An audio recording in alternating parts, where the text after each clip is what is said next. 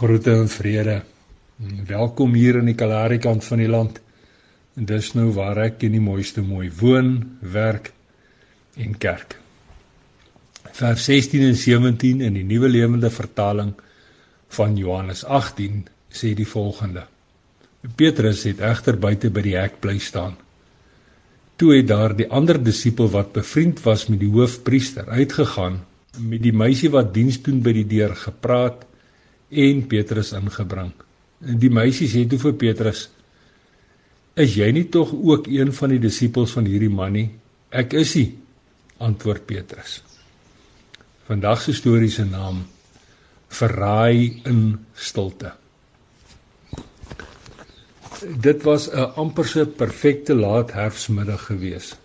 Die wyntjie het amper nie eens geroer nie en die sonnetjie het leile op ons wêreld en sy mense geskyn. Ek het tot bo op ons 6 meter hoë watertank se platform geklim om te sien hoe hierdie lui sonnetjie al sukkelend agter 'n handjie vol rooi en pink wolkies slaapplek sou gaan soek. En terwyl my oë hierdie goddelike goudkleurige skildery indrink, loop my onthou weer terug op ou en vergete lank terug se gisterpaaie. So onthou ek weer van die versigtige geklop aan die agterdeur kort nadat die grondpad se stof en dis nou die stof wat Gabriël na 'n voorwêreld toe opgeskop het gaan lê het. Ai, ek weet ek is nou regtig oorig, maar ek moet net eers my oë op mevrou en op pastoor kom neersit, het ou so met die inloop gesê. Dan borrel sy verder. Ek wil 'n waafvrag nuus kom afgee want dit voel kompleet asof jy wegbly daar al meer en meer raak en dan raak hulle ook sommer langer.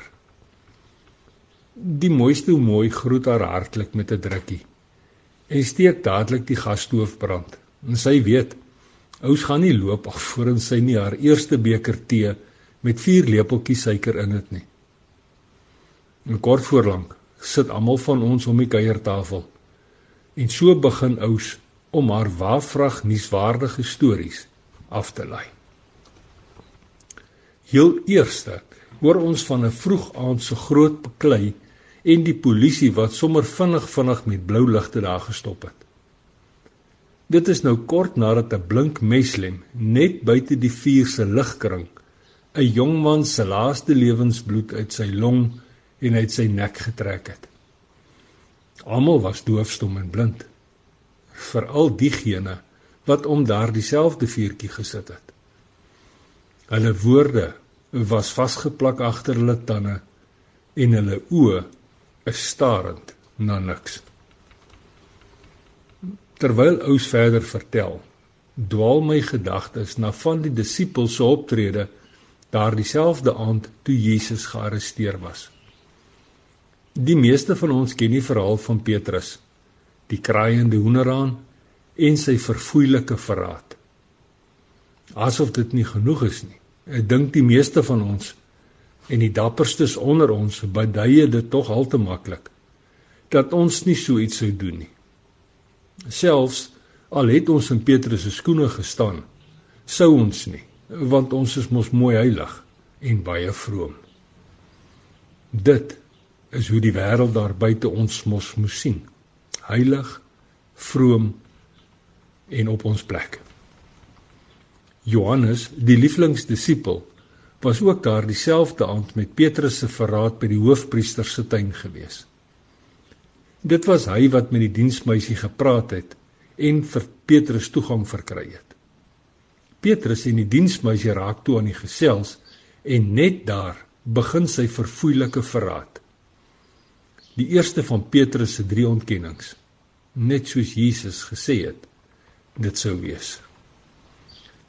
Johannes wat ook in die teenwoordigheid van die diensmeisie op daardie stadium was sê en doen egter niks nie. Deur sy woorde veilig agter sy lippe te bære verkies hy om nie sy vriend reg te help nie. Net soos ous beduie het het daardie klomp mense om die vuurtjie ook verkies om nie hulle vermoorde vriend te help nie. Petrus en ook Johannes verraai die kerelkind met stilswye wat opgesluit is in 'n mond vol stilte. Die lieflingsdisipel was op daardie oomblik net so 'n verraaier, net so 'n lafaard en 'n bangbroek soos Petrus nog 2 keer later daardie selfde aand sou wees. Maar wat van my en jou en ous?